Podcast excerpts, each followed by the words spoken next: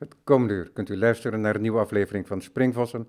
Mijn naam is Robert van Altena. Vandaag ben ik te gast bij Lucas Lenglet. Dankjewel Lucas dat je weer met me in gesprek wil gaan. We hebben elkaar twee keer eerder gesproken Ja. over mooie werken. De eerste keer was over The Air We Breathe. Dat bekeek ik laatst weer. Dat prachtige beeld in Zaandam voor de penitentiaire inrichting. Ja. Dat er nog altijd vier staat. En jij hebt nu een tentoonstelling bij Stichter van Doesburg. Het is een vrij spontaan tot stand gekomen tentoonstelling. Zoals dat wel eens gebeurt in de programmering van een galerie. En dat viel mooi samen, want het kwam niet helemaal uit het niets. Het viel wel mooi samen met een publicatie die je hebt gemaakt. Die publicatie die hangt samen met een installatie die je maakte voor Welcome Stranger. Welcome Stranger, dat is die organisatie onder leiding van Marianne van der Zwaag, die kunstenaars uitnodigt om iets te doen wat ze denk ik nooit doen, namelijk dat hun woonsituatie terrein wordt, podium wordt, zou je kunnen zeggen, van een kunstwerk. Maar niet binnen, maar buiten. Dus er zijn nogal wat restricties aan. En daar zijn allerlei antwoorden op. Ik sprak met Simon Walt toevallig ook in deze periode. Dus dat wordt binnenkort ook uitgezonden. Die ook, zo'n, ook een werk maakte. En in jouw geval heet deze publicatie naar de plek waar je woont in de Staatsliedenbuurt. En dat is Schaapmanstraat, de Kempenaarstraat. Dus, dus een hoekwoning. Ik ken de woning specifiek niet precies. Want ik heb destijds, het was midden in COVID, alleen uh, de foto's uh, gezien. En mensen hebben het ook niet van binnen gezien, wat toch van toegevoegde waarde zou kunnen zijn. Maar daar kun jij ons alles over vertellen, want het was je eigen woning. Deze installatie, die was daar tussen eind oktober 2020 en eind januari 2021. Heeft hij daarna nog een tijdje gehangen, misschien? Want dat is vaak zo met deze installaties voor Welcome Stranger. Ja, nee, in dit geval niet. Nee, en het was natuurlijk ook een. Uh, het waren ook wel uitdagende omstandigheden om zo lang in een uh, zelfgemaakte kooi te leven. En ik woonde daar ook met mijn zoon. En we hadden wel bedacht dat uh, op het moment dat het project vanuit Welcome Stranger ten, ten einde zou lopen, dat het dan voor ons ook zou, zou ophouden. Um, om. Nou, we wilden toch ook weer de vrijheid in, zeg maar. Ja, dat begrijp ik. Maar het grappige was dat het uh, niet direct als vrijheid voelde op het moment dat de rode gaaspanelen van de ramen gehaald werden, maar dat het ook um, onbeschermd voelde. Dus door een tijdje in zo'n kooi te leven, voelde het ook een, ja, dat werd ook een, een veilige omgeving ten opzichte van de buitenwereld. En op het moment dat de kooi weg was, voelde dat ook naakt of uh, onbeschermd. Dat begrijp ik, denk ik wel. Um, we gaan het er zo verder over hebben, maar misschien, ja, je noemt het al nu. Het is een hoekwoning en op de, om de vensters mm -hmm. heb je aan de buitenkant uh, roosters geplaatst, metalen roosters. Roosters die we wel kennen uit jouw werk. Jij maakt uh, werk met allerhande roosters, soms dingen die al voorhanden zijn, laten we zeggen een ready-made. Uh, maar uh, ook je creëert kooien, um, je werkt met binnen, uh, met buiten. Er zitten allerlei implicaties in. Ook dingen die ik er zelf in kan projecteren, waar jij je misschien helemaal niet mee bezighoudt, maar zo gaat dat met werk. En met werk in de openbare ruimte is dat misschien nog sterker. Ja, al die roosters, die zijn nu te zien in de galerie het is een heel ander werk geworden daardoor. Het is ook een soort uh, herinnering, maar het is ook iets van een bouwpakket die ik zou kunnen aanschaffen als ik mogelijk mezelf zou willen beschermen. Mm. Dat, dat, idee heeft het een beetje. Um, alsof ik het zo van zo'n staak uit de winkel kan halen. Ja, ja. en je hebt zo'n mooie erker ook in je woning met van die smalle staande vensters. Dat is denk ik leidend geweest voor de ontwerper Michael Snietker, ontwerper van de publicatie. Michael Snietker. Uh, Michael ja. Om ook zo'n hoog, lang formaat te geven aan de publicatie. Ja. Ook in rood. er zit een mooie tekst van jou in. Er zit wat historische informatie in. En het gaat niet alleen over jouw werk, maar ook over woning. En, recht op woning en wat dat betekent en hoe daar ook voor gevochten is. En dat is nu ook heel actueel in brede zin. Jij hebt het ook zelf aan den lijve ervaren in je persoonlijk leven, omdat je met zo'n uh, een woning uh, nodig had, plots. Mm Heel bijzonder is dat, denk ik, in jouw oeuvre, dat het zo klaarblijkelijk ook zulke persoonlijke elementen um, leesbaar zijn voor het publiek. Mm -hmm. Lucas. Uh, en, en, maar waarom is dat bijzonder? Omdat uh, waarschijnlijk nou, omdat de taal. Zoals ik jou werk ken. Omdat de taal wat onpersoonlijker is, misschien. Nou, wat formeler. Uh. Ja, dat, kijk, in heel veel kunstwerken mm -hmm. is het zo dat er van alles persoonlijks in zit. Zelfs een vierkant in een bepaalde kleur geschilderd op een doek mm. kan ontzettend persoonlijk zijn. Maar nu is het ook zo dat het is je eigen huis, dat is de uitnodiging van Welcome Stranger. Maar het is ook zo dat jij in je essay over dit werk mm, het persoonlijke ook benoemt. Dus je, je eigen situatie. Um, dus je eigen het gaat heel vaak over, um, in je werk over macht. En in macht heb je dus ook vaak uh, kwetsbaren. Mm. En je bent daar ook de kwetsbare die zich uh, moet harnassen, als het ware, voor uh, wat hem overkomt. Ja. En dat dat expliciet wordt, en dat is het woord, denk ik, en dan wordt het wat duidelijker voor jou wat ik bedoel, dat het expliciet wordt, dat persoonlijke, dat is bij mijn weten een unicum in je werk. Ja, dat klopt. Nou begrijp ik je vraag ook beter. Ja, het is, het is uniek dat ik het zelf expliciet maak. Want dat, ik denk dat het uh, toch ook in heel veel andere werken wel zit. Er is altijd een, uh, een, directe persoonlijke aanleiding. Maar in dit geval was de persoonlijke, viel de persoonlijke aanleiding uh, ook samen met ehm, ja, zeg maar grotere bewegingen om me heen. Of, of, of een maatschappelijke ontwikkelingen. Ehm, zoals bijvoorbeeld een, uh, een duidelijk aanwezige woningnood, een wooncrisis. En uh, mijn persoonlijke wooncrisis viel samen met de wooncrisis om me heen. Dus ik vond het ook belangrijk dat ik dat, uh, dat, ik dat nu ook zo zou. of om dat te benoemen. Um, en dat eigenlijk maakt het ook makkelijker om het te benoemen, omdat als ik uh, zeg maar in zijn algemeenheid over een wooncrisis had gesproken in mijn werk of in een essay, dan, um, dan zou dat ook iets gratuits kunnen hebben. En uh, op het moment dat um, het dreigende ervan ook, uh, ook persoonlijk was, is dat niet gratuit meer. Dan, dan kan ik daar. Ja, dan snijdt het hout om het ook echt bespreekbaar te maken. Ja, ik begrijp het. Maar toch is het zo dat er zit een existentieel element in je werk die niet alleen gaat over de wereld, maar die ook gaat over de manier waarop jij de wereld ziet, mm. ervaart en mogelijk zelfs zou willen zien.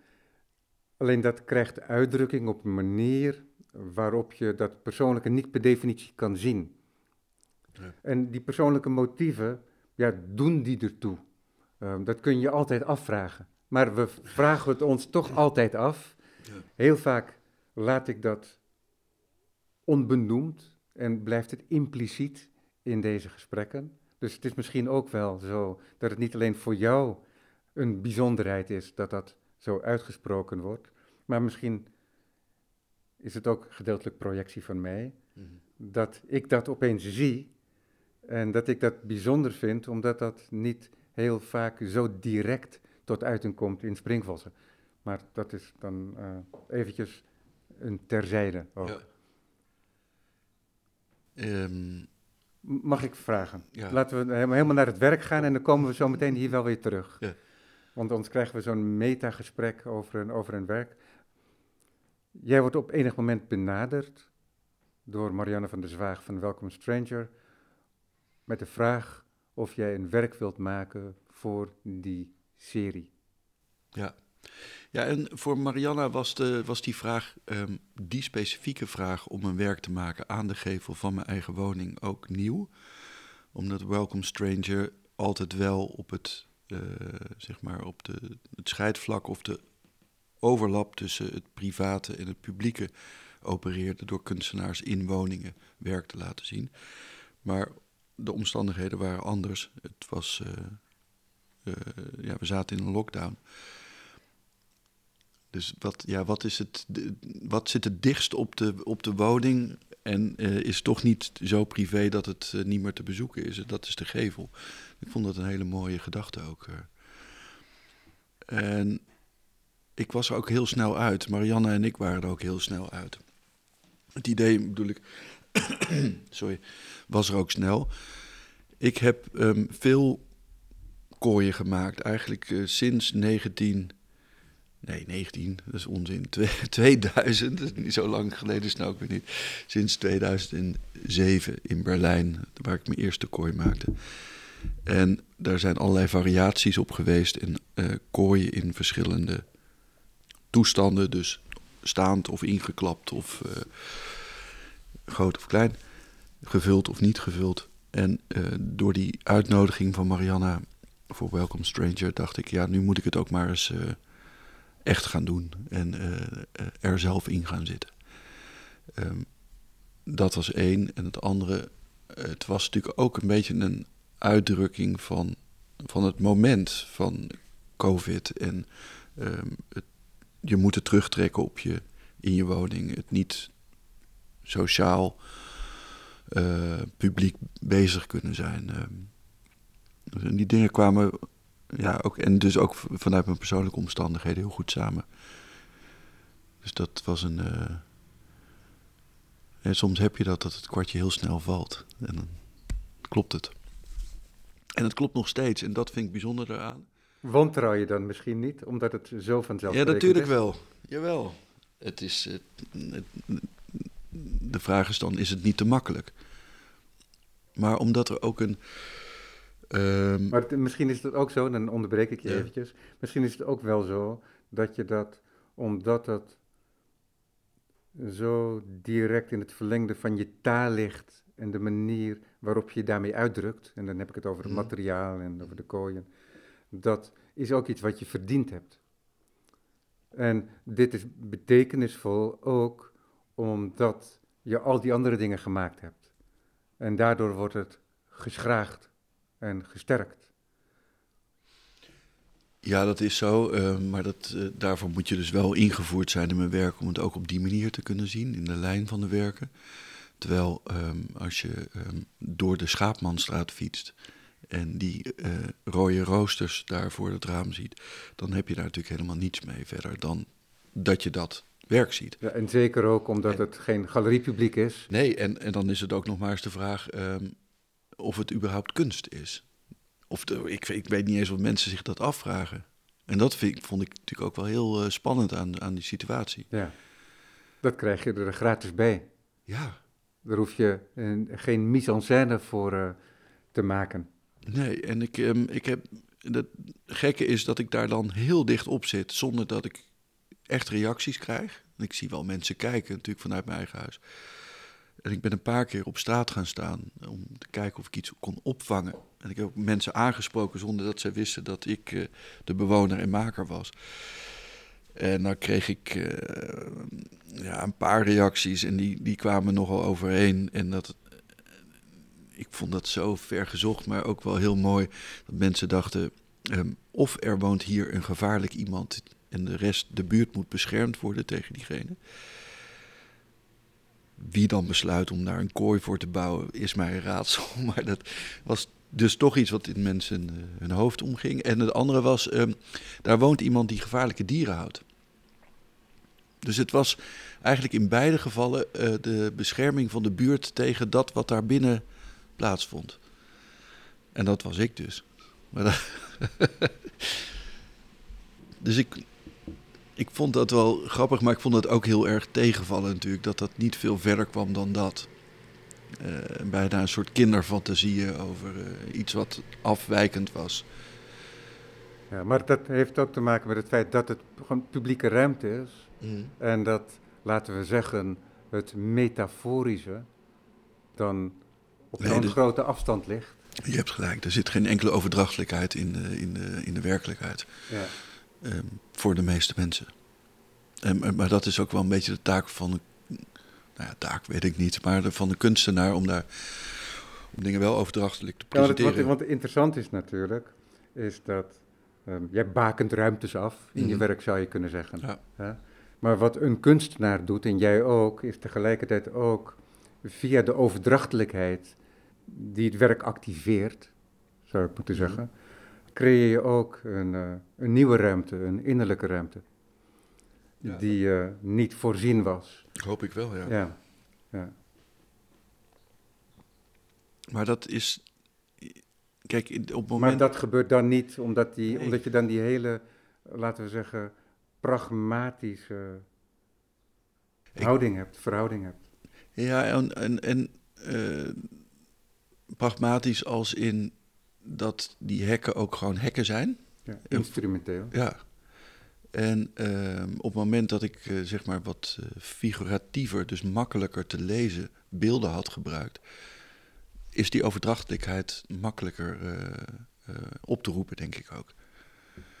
Dus um, ik zet daar een herkenbaar beeld neer en dan kan dat beeld twee betekenissen hebben. Eén is de, gewoon dat wat je ziet en um, hoe het zich misschien in een andere situatie een andere betekenis heeft gehad. Ja, kijk, hoe ik tot nu toe je werk heb gezien. bijvoorbeeld de, de, eerste keer, om een concreet voorbeeld te noemen, dat ik zo'n kooi van jou zag. Ik had wel foto's gezien van Berlijn.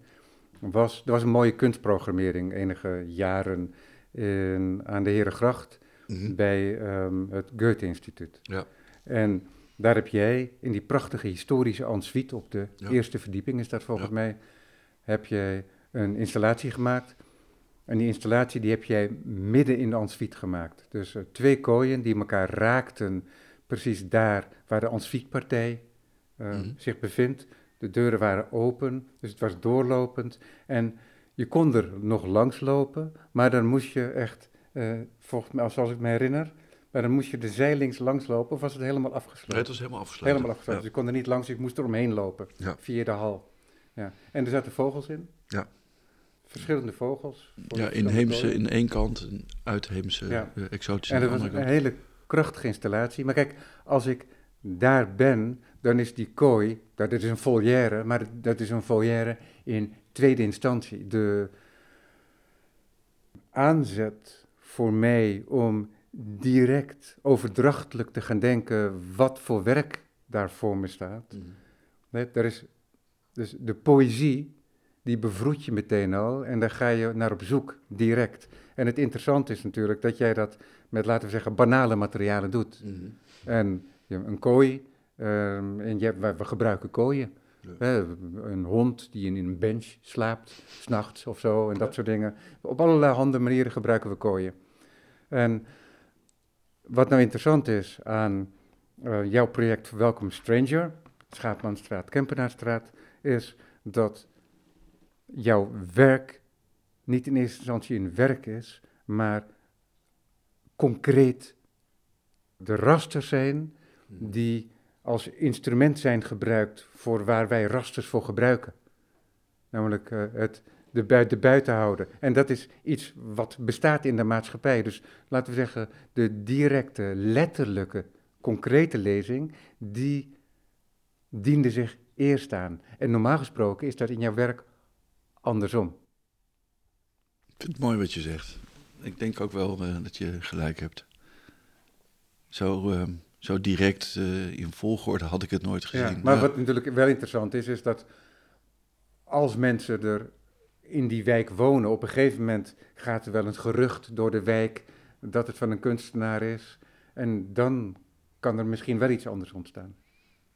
Dat kan, maar ik denk dat de, de wijk waarin ik woon misschien zit ik er helemaal naast. Staatsliedenbuurt. Staatsliedenbuurt.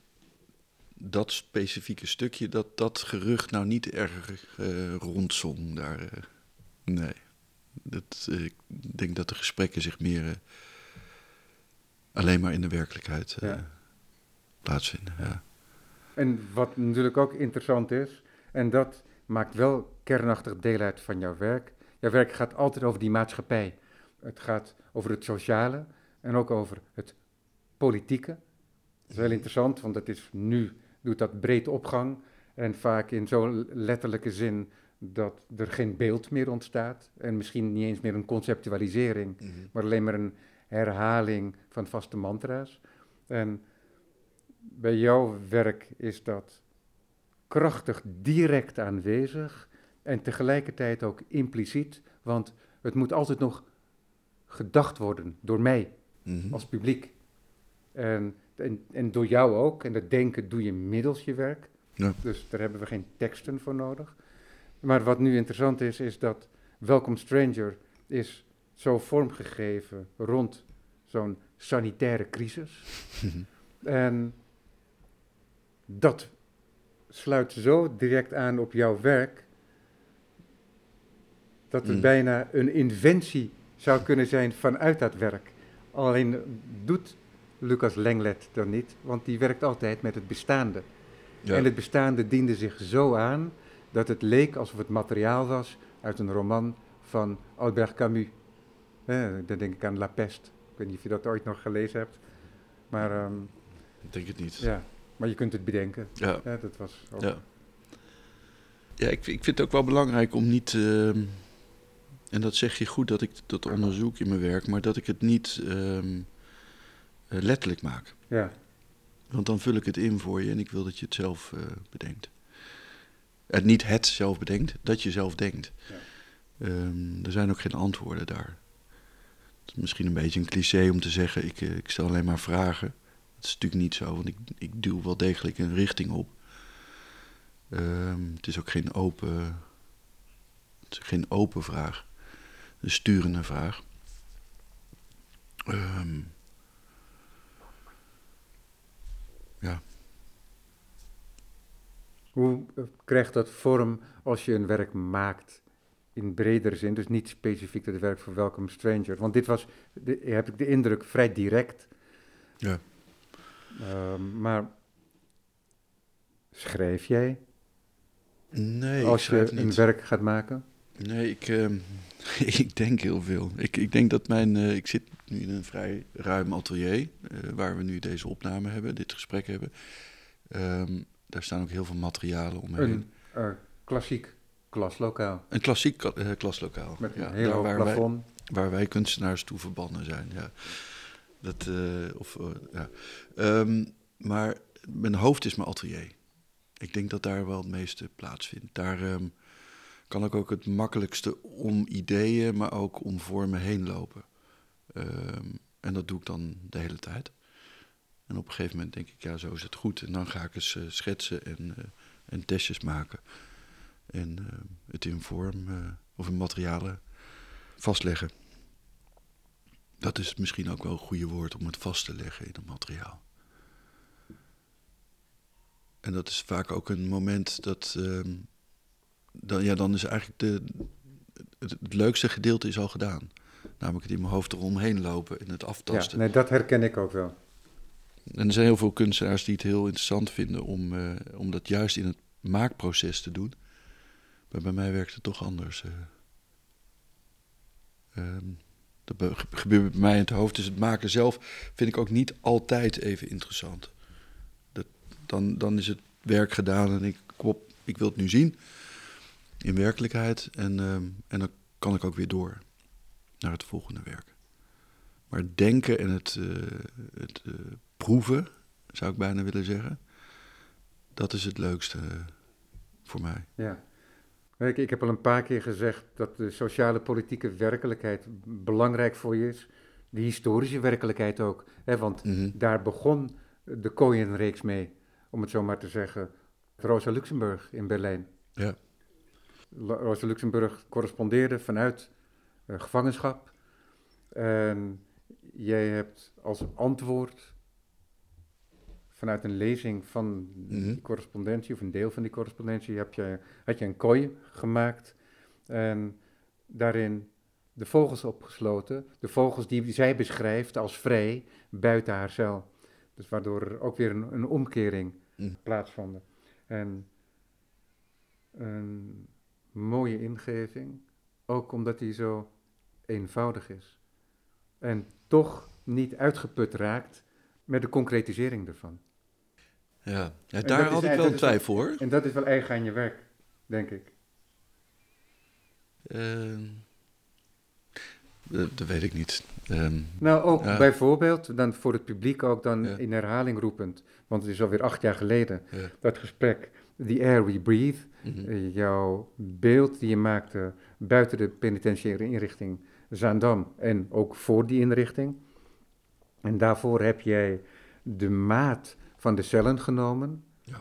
En dan heb jij elf van die cellen geschakeld, een open ribbenstructuur gemaakt van prachtige, brede, forse houten balken. Mhm. En dus die binnenruimte die ik, tenzij ik mijn leven verander, ehm, nooit zal zien Mhm. en nooit zal ervaren, die wordt helemaal naar buiten gekeerd. En enerzijds toont het een beklemming die ik anders niet kan ervaren. En anderzijds is het ook weer die omkering dat het omslotene en het beslotene en die disciplinerende architectuur een evenbeeld krijgt in een openheid die ruimte markeert en met het markeren de ruimte viert.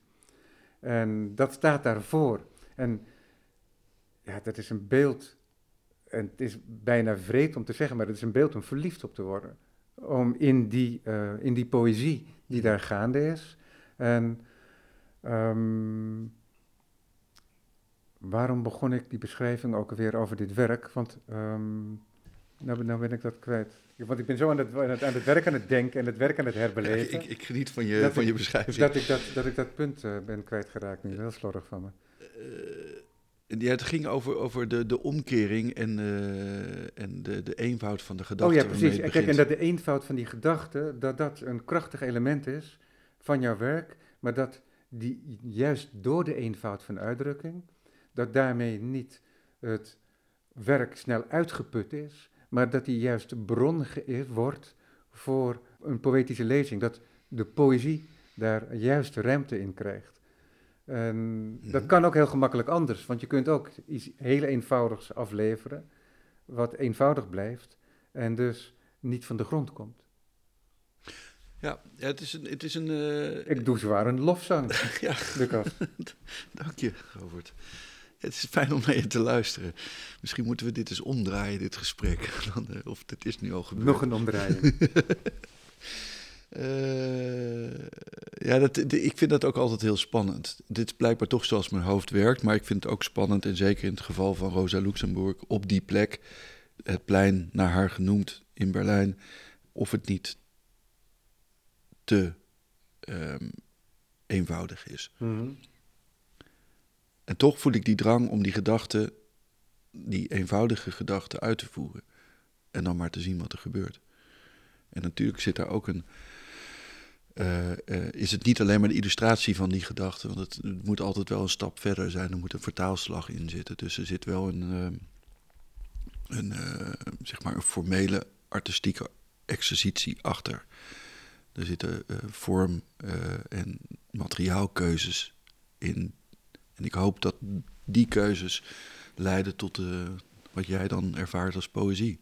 Ja, maar het is andersom ook zo natuurlijk, dat dat werk is verrijkt door wat je daarna bent gaan doen. Wacht, ik, ik zet hem eventjes op pauze. We hadden even een kleine onderbreking door praktische zaken hier met een telefoon die maar af bleef gaan. Mea culpa. Maar andersom is het ook zo, Lucas, dat dat werk dat jij in 2007 hebt gemaakt in Berlijn, dat is verrijkt door alles wat je daarna bent gaan doen. Het, ook door het werk wat je voor Welcome Stranger hebt gemaakt, het werk dat je in Zaandam hebt gemaakt. Het werk dat je in het Goethe-instituut hebt gemaakt. En dan beperk ik me even tot de werken Ja. die ik min of meer ken. Mhm. Nee, dat is waar, maar dat weet ik natuurlijk niet op het moment dat ik die kooi op het Rosa Nee, Luxemburgplatz tuurlijk, neerzet. tuurlijk. Dus dat, dat maakt het ingewikkeld. Maar dat is wel het mooie van het moment nu. Ehm, dat ehm Michael Snietker mm, bij mij op aandrong. Maak die publicatie. Laten we samen die publicatie gaan maken. Naar aanleiding van het werk eh, Schaapmanstraat de Kempenaarstraat. Eh, die publicatie is er gekomen. Die moet gepresenteerd worden. En vervolgens eh, besluiten we in eh, no time om in, eh, in de galerie bij Stichter van Doesburg een heel klein overzichtje te maken van verschillende kooiwerken. En voor mij is dat heel bijzonder. Normaal gesproken in een galerie wil je altijd het nieuwste van het nieuwste zien en laten zien. En nu kon ik bestaande werken bij elkaar brengen. En dan leidt dat ook tot een groter begrip bij mij. En ik zie ook dat het bij anderen tot een groter begrip eh, leidt. Ook al zijn het allemaal wat ik dan noem kooiwerken. Ze hebben allemaal toch een net andere benadering op het gegeven van in- en uitsluiting of gevangen, eh, gevangenschap. Ehm, van wel of niet mogen meedoen. Ehm, en om dat bij elkaar te zien. Ik, ik vroeg me gisteren eh, af of het, ehm, of het daarmee ook een soort afsluiting zou zijn van dit soort werken. Of, het, of ik dan of ik überhaupt nog kan aanvullen nu, nu die eh, publicatie er ook is. Het voelt ook een beetje als een punt. Ehm, maar dat weet ik niet. Dat, eh, dat gaan we zien. Net zo goed als dat ik niet wist toen ik die kooi op het, in Berlijn neerzette. Dat, ehm, dat daar nog andere werken op zouden volgen. Nee, maar ik kan me voorstellen inderdaad dat je dat nog niet kunt overzien. En dat als je zo'n klein overzicht maakt, dat dat, ehm, dat je dat doet denken. Mhm. Maar heel vaak gebeurt het ook al bij grotere gebeurtenissen, toch? Je had eh, een paar jaar geleden, ook tijdens COVID volgens mij, zo'n mooie tentoonstelling in de vestibule van het Krullenmuller. Mhm. Dat is ook zo'n moment, denk ik. Omdat je daar een, echt een installatie hebt gemaakt Ja. en niet eh, een reeks werken hebt getoond. Nee, het klopt. Het was wel een, ehm, een, een ingreep op de, op de ruimte zelf. En de objecten die er waren, die waren onderdeel van die ingreep. Het vonden dat het eh, losse ob- objecten waren. Maar die, eh, dat werk wat ik daar maakte, en all die untilt air between. ehm, dus alle, ja, weer lucht, eh, alle eh, onberoerde lucht ertussen dat voelde eerder als een begin dan als een punt. Eh, op die schaal, op zo'n plek te mogen werken. En ehm, ook, ook, ook een manier van werken waar ik enorm van houd om, om de hele ruimte aan te pakken. En ehm, om ook te bepalen, en misschien grijpt dat dan terug op dat eerdere woordje wat jij gebruikte, macht. Dat is toch iets wat een beeldhouwer eh, op een bepaalde manier ook eh, waar die mee bezig is. Ruimte innemen, bepalen dat er eh, op een bepaalde plek iets staat waar dus niet iets anders kan staan en waar niet iemand anders kan gaan staan. En het eh, sturen van de beweging van mensen, het, het dirigeren van de looproute, maar ook eh, het eh, vragen van iemand, eh, van, van, van mensen om ergens omheen te lopen, om het echt helemaal te kunnen zien. Dat is natuurlijk wezenlijk anders dan wanneer je een tekening of een schilderij ophangt. eh. Ehm, dat je niet alleen ruimte inneemt, maar ook vraagt, uitnodigt om, om, om, om te bewegen. En die sturing daarvan vind ik vaak ook wel heel interessant. Misschien hangt dat ook wel samen met eh, het maken van een kooi, want dat is natuurlijk de ultieme beperking van de, van de beweging. eh. Eh, of het, Of een disciplinering van beweging. ja, dat wou ik net zeggen. Ja. Ja. Of je bepaalt inderdaad dat je alleen maar op die plek mag bewegen. Ja. Ik ehm, had eigenlijk bedacht dat in dat kleine overzichtje in de galerie... dat er ook weer een vogel in een kooi zou komen te zitten. Eh, net zoals de vogel in het Stedelijk Bureau Amsterdam of Stedelijk Museumbureau Amsterdam, toen SMBA. De installatie die ik daar maakte, die heette uh, A Canary in a Coal Mine. En daar zat dus ook een canary, een kanarie in, uh, in een van die kooien. En die wilde ik terug laten komen. En drie uur voor de opening bij in de galerie besloot ik om die vogel alsnog eruit te halen en niet te laten zien. Niet te laten optreden. Het klopte niet. Het klopte niet meer. Maar die vogel is nu bij mij thuis.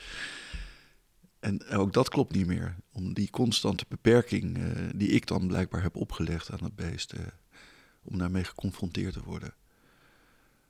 Dan klinkt het alsof het heel erg over mij gaat, maar ik bedoel ook dat dat. Ik ik vind dat vervelend, maar ik vind dat vooral naar, naar die vogel, naar dat beest uh, vervelend. Maar ik kan, er, ik kan er verder ook niks mee. Want die vogel die kan ook niet buiten die beperking overleven. Dus ik zit in een hele lastige situatie nu. Ik wil het beest eigenlijk vrijlaten, maar dat is onherroepelijk de dood. Ja, zeg het maar, wat moet ik doen? ik weet het niet. Daarnaast is het een, uh, een hele enthousiaste vogel. Uh, een mannetje, dus uh, hij fluit. Hij fluit heel hard en heel enthousiast en heel vaak. En dat is nogal een aanslag op mijn persoonlijke ruimte, kan ik wel zeggen. Ja, ik ben op zoek naar iemand die dat heel leuk vindt om thuis te hebben. nou, bij deze een klassiek radioverzoek, radiooproep. Mooi. Maar ik vroeg ook eerder eventjes, en dat ga ik nu weer doen, maar heel specifiek dan met uh, Schaapmanstraat, Kempenaarstraat. In de publicatie laat je ook zien dat je wel onderzoek hebt gedaan naar de buurt en naar de omgeving. Mm -hmm. Dus het werk vond daar plaats omdat jij daar woonde, mm -hmm. omdat je dat verzoek kreeg. Maar je ging ook st stilstaan bij waar je woonde. Het is een pand uit 1918, meen ik. Ja, zoiets, ja. Hè? ja. Van uh, Berlage en een andere architect. Van Epe. En wat heel belangrijk is, denk ik, daar heb ik ooit een uitzending over gemaakt met Vladimir Stissy, een archeoloog, maar die kennelijk ook heel veel weet over architectuur en sociale woningbouw. Die heeft een prachtig boek geschreven, Hmm. uitgekomen bij NAI 010. En dat heet Amsterdam, Mekka van de sociale woninghuisvesting. Oh ja. En um, daar heb ik ooit een uitzending mee gemaakt. Ik vond het boek in de Rams en ik denk van hoe kan dit boek in de Rams liggen? Ja. Want het is van blijvende waarde. Mm -hmm. Maar zo gaat het in de economie van uh, boeken ook tegenwoordig. Ja. Die sociale woninghuisvesting, zoals wij dat kennen en zoals wij dat zijn gaan leren waarderen, en een waardering die ook weer afgebrokkeld is geraakt, uh, dat volgde op de woningwet van 1901 of 2. Ja. En die woningwet die ontstond, en ik heb het wel vaker herhaald, denk ik, voor deze microfoons, omdat er woningen werden gebouwd uh, door de markt, die soms al in elkaar stortten uh, voor ze af waren. En dat kwam omdat er bespaard werd, dus een balkje minder kon ook wel. Mm. En de volgende dag, oh, er kan nog wel een balkje minder. En zo lag er bij Jan-Pieter Heijen een hele wand om voor het afwas. En dat was maar één voorbeeld van wat ik me nog herinner Mm. uit de lezing van dat boek. En dus daarop kwamen de woningbouwverenigingen, aansluitend op die woningwet. En werd het georganiseerd dat, het, dat er zoiets bestond als het recht op een goede, uh, veilige en gezonde woning. En dat um, recht, dat is vaker bevochten moeten worden. In de jaren 30 beschrijf jij. Ja. Um, 1935. Al hier dat er opstanden zijn en die worden hard neergeslagen. Dus er is weinig, uh, uh, bij de autoriteiten is er weinig erkenning voor. Ja. En je beschrijft ook hoe de intensieve krakerzellen uit 1985 uh, plaatsvinden. Dat vond allemaal hier plaats. En je laat er zelfs een foto in zien uh, dat er krakers uit een raampje leunen. Een raampje dat ontzettend veel lijkt op een raampje. Ja, het is drie deuren verder. Van, uh, ja. van jouw huis. Dus het is een, dezelfde architectuur, drie deuren verder, zoals je nu dan met me deelt. En je hebt dus daar dus, dus sociaal-historische geschiedenis ook onderzocht en die deel je en die voeg je toe, als het ware, eraan. Is dat iets wat je gewoon bent om voor jezelf te doen? Want ik ken het niet dat je dat zo specifiek met me deelt als toeschouwer. Nee, dat is, dat is niet zoals ik gewoon werk. Um, en dat, ik moet ook zeggen dat dat geheel Michael Snietkers uh, initiatief en uh, volhardendheid uh, is geweest. Hij zag ook die directe link met de wooncrisis waarin we nu zitten.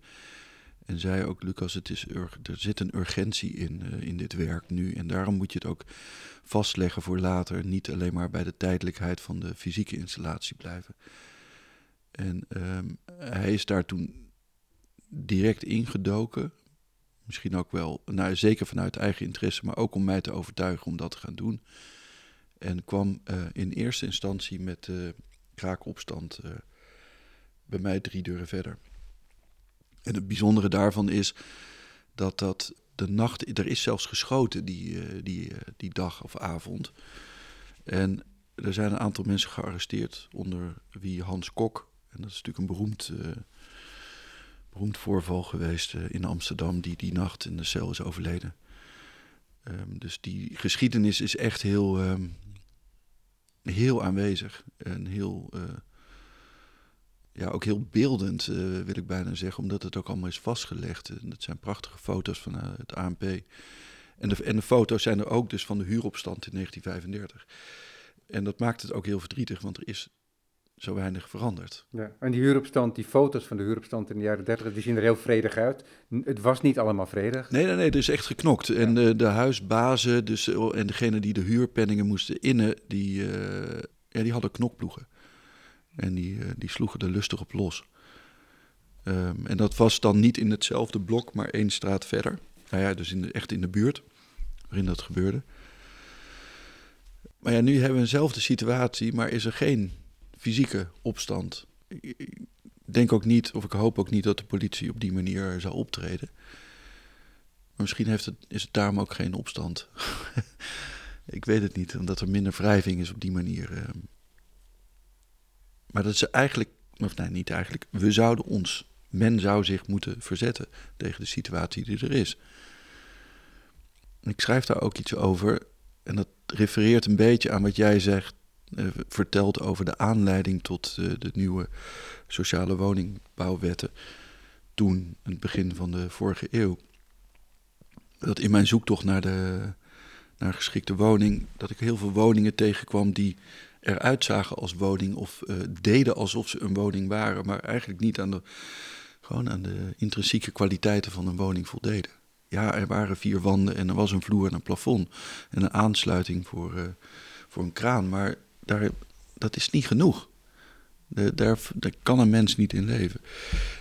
En ik heb het ook altijd wonderlijk gevonden. En dat is misschien ook wat jij bedoelt dan met uh, hoe ik me verhoud tot, tot de wereld om me heen. Of de, uh, de sociaal-maatschappelijke omstandigheden. Ik heb het altijd wonderlijk gevonden dat mensen zo slecht voor andere mensen willen zorgen. Of er zo weinig voor andere mensen willen zijn. Als je dan een woning bouwt, bouw dan verdomme een goede woning. En niet een woning omdat je een woning moet bouwen. Dat laat, ja. ja, niet alleen maar met het motief om er geld aan te verdienen, maar ook daadwerkelijk iets waardevols toe te voegen aan de maatschappij. Ja. ja. ja. En dat is daar die, mijn, het onbegrip wat er bij mij heerst, vertaalt zich ook vaak in boosheid daarover. En dat is wel een drijfveer om werk te maken. Ja, maar wat wel anders is nu, is dat dit ook direct jouw persoonlijke mm -hmm. uh, levenssfeer raakt, ja, natuurlijk. Klopt. Maar het is niet wezenlijk anders, omdat je dat überhaupt al doet. Hè? Die relatie mm -hmm. met de sociaal-politieke werkelijkheid ja. um, denkt um, middels je werk. Mm -hmm. Maar jij hebt net gezegd, het voelt ook zo'n publicatie als een punt. Misschien komt het ook wel omdat je erover geschreven hebt. Ja, dat is wel anders. Dat klopt. En je schrijft er heel helder over. Dus en over die persoonlijke situatie en over uh, het omveld, hè, de, de, de, bredere sociale structuur waar het deel van uitmaakt. Ja. Maakt dat ook dat je denkt, oh, het zou hier ook mee afgerond kunnen zijn? Dat kan. Maar ik, ik weet het niet. Ik, ga er ook, ik ga er ook niks over zeggen op die manier. Ja, ook niet voor mezelf. Dat, hè? Dat, dat, is, iets wat je ervaart, kennelijk. Ja. En het is ook een enorme uitspraak. Ja, maar aan de andere kant is het ook heel duidelijk, of zou het ook net zo goed een begin kunnen zijn um, om um, precies die redenen die je net, of de vragen die je aan me stelde, van um, uh, dus het zeg maar een werk maken en dan vooruit projecteren dat daar een geschiedenis uh, bij komt kijken. Zoals we net noemden, die krakersopstand en de mm. hurenopstand wat ik nooit eerder op die manier heb gedaan. Uh, die, dat, die twee integreren letterlijk. Dus in die zin, ik, ik, ik, heb het, ik vond het heel interessant om te doen, omdat het ook heel veel um, kennis oplevert. Kennis ook over mijn eigen werk. Ik kan me voorstellen dat, dat ik dat vaker wil doen. Kennis over je eigen werk, omdat je uh, die sociale. Want eerst werkt je wellicht, en het is speculatief, maar dus ik stel het in als een stelling, maar het is een vraag. Is het zo dat je mogelijk werkte met, laten we zeggen, abstractere machtsstructuren? En dat dat nu specifiek is? Is dat het? Nee, dat is het niet. Want ik, ehm, zeg maar, een van de eerste werken die ik na mijn afstuderen aan de Rietveld maakte, um, uh, was een grote installatie met de titel Shamming the Shack. En dat was de, de directe aanleiding was uh, Ted Kaczynski, de Yuna-bomber, die uh, bepaalde brieven manifesten rondstuurde. Ik vond het heel fascinerend dat iemand zo volhardend is in ideeën. Dat hij zich terugtrekt uit de maatschappij en allerlei voorbereidingen treft. En, die bom, in zijn geval dan bombrieven uh, de wereld instuurt. Dus eigenlijk ook weer die uh, relatie tot de maatschappij, waar die zich eerst uit terug moest, moest trekken, herstelt door middel van die communicatie nogal agressieve communicatie. Dat, dat is wat ik eh, als kunstenaar ook doe. Ik, ik, moet me ook op een bepaalde manier terugtrekken op mijn, uh, mijn eigen plek in mijn uh, atelier. En ik tref daar die voorbereidingen en dan stuur ik weer iets terug de wereld in. En dan herstel ik die relatie weer. Um, en wat de, voor mij de overeenkomst is met, met de Juna-bomber, klinkt misschien raar, is dat ik ook net zoals hij in het herstellen van die communicatie een uitspraak doe over de relatie tussen mij en de wereld. Dus de. Uh, dus het zit er altijd wel in. Alleen die, bijvoorbeeld in die Shamming the Shack heb ik die Unabomber eruit gelaten. Dat is voor mij dan een persoonlijke aanleiding. Mhm. En nu komen die aanleidingen, um, die heb ik er gewoon naast gelegd. Ja. Dus kijk maar, dit, dit, is, dit is eigenlijk het hele pakket. En dat maakt het ook makkelijker om over te praten. Of ook makkelijker om, om, om naar te kijken, omdat je dan meer informatie hebt. Dus je kunt ook meer zien. Uh, en misschien heb ik dat in het verleden, had ik dat wel wat meer kunnen doen, want dan maak ik mijn werk wat toegankelijker mee. Maar dat hoort er toch ook een beetje bij, dat je dat niet meteen deelt. Ik, bijvoorbeeld dat je Ellsworth Kelly, mhm. dat die hele eenvoudige motieven uit de werkelijkheid, uh, raampartijen van een museum in Parijs, ehm, dat hij daar de bogen van gebruikt voor werk. En dat zag je dan nog, maar later ook landschapslijnen en dergelijke. Dat inspireerde hem. En later heeft hij die foto's daarvan gedeeld. Maar als je dat meteen zou doen, dan zouden de schilderijen wellicht niet voldoende loskomen van de werkelijkheid om mm. zelf te bestaan. Ik weet niet zeker of het zo is, maar dat is een bepaald gevaar ook. En het, is natuurlijk ook mooi om een onverklaarde ruimte te hebben, waarin, waarin ik zelf een bepaalde poëzie kan vinden, doordat ik me verhoud met iets wat nog niet ingevuld is. Dus ik vind het niet gek dat beeldend kunstenaars niet al hun aanleidingen en motieven delen. Nee, ik vind dat en, ook niet gek. En de anekdotes waar dingen uit voorkomen. Aan de andere hand zijn wij, jij en ik en de kunstenaars waar je het over hebt, ehm, Daarin getraind. Ja, dat is zo. eh, we bevinden ons op een heel erg eh, klein gebied waarin we elkaars taal spreken. Terwijl door, door wel meer te delen, ontsluit je het werk ook voor een grote groep mensen. En- Maar is het dan ook zo dat, dat, dat, die, dat het opdrachtwerk voor Welcome Stranger jouw werk geplaatst in de openbare ruimte, dus anders doet denken ook over je relatie met, met, met het publiek Ja. en ook een relatie met een ander publiek? Absoluut. Ja. En ik heb dat ook tegen Marianna gezegd. En ik heb haar ook bedankt voor eh, het, eh, hoe genereus eh Welcome Stranger is naar de kunstenaars toe. Door die hele mooie vraag te stellen en dat productioneel mogelijk te maken. En naar het publiek toe. Goh, waar, wie, wie doet dat nou? Om zomaar een, een kunst voor zo'n grote hoeveelheid mensen te laten zien. Ik vind dat echt heel, ja, echt genereus. En, en mij heeft het, eh, ik weet niet hoe dat voor andere kunstenaars is gegaan die eh, in, in, in die serie eh, hebben gewerkt, maar voor mij heeft het heel veel opgeleverd. In denken en in doen. Ja. Ja, ja kijk, in, ik weet dat Simon Waldlazowski heel graag juist werk maakt die dicht staat op de maatschappij. Mhm. Ook al zit daar nog allerlei poëzie in die je in eerste instantie nooit zou kunnen bevroeden als je geconfronteerd wordt met een werk van hem. Dus het ligt dichter bij de praktijk van sommige mensen, hè, die, dan, die dan als kunstenaar zelf eigenlijk met de rug naar de kunstwereld toe staan, zou je bijna kunnen zeggen. Maar het is interessant wat zo'n overweging, namelijk het denken aan, aan je publiek, wat dat kan betekenen voor je werk, voor de ontwikkeling van je werk. Maar dat is iets waar jij nu nog geen antwoord op hebt, omdat je dat nu aan het denken bent, als het ware. mhm. Ja. Is het in zo'n periode zo dat jij dat dan opzoekt, dat je instrumenten probeert op te zoeken om daarmee aan het werk te gaan, dat je bepaalde dingen gaat lezen, dat je naar bepaalde dingen gaat kijken, of dat je anders door de openbare ruimte beweegt om te kijken wat je daar zou kunnen doen en hoe je dat dan zou kunnen doen, dat, en hoe je dat anders doen zou kunnen formuleren voor jezelf? Of is het zo dat je het laat gebeuren? Nee, ik laat het gebeuren. Wel. Of het, of, of het moet, maar dat is in, in zo'n zo'n tijd van een. dat er veel dingen bij elkaar komen, als een tentoonstelling bij Stichter van Doesburg, de publicatie.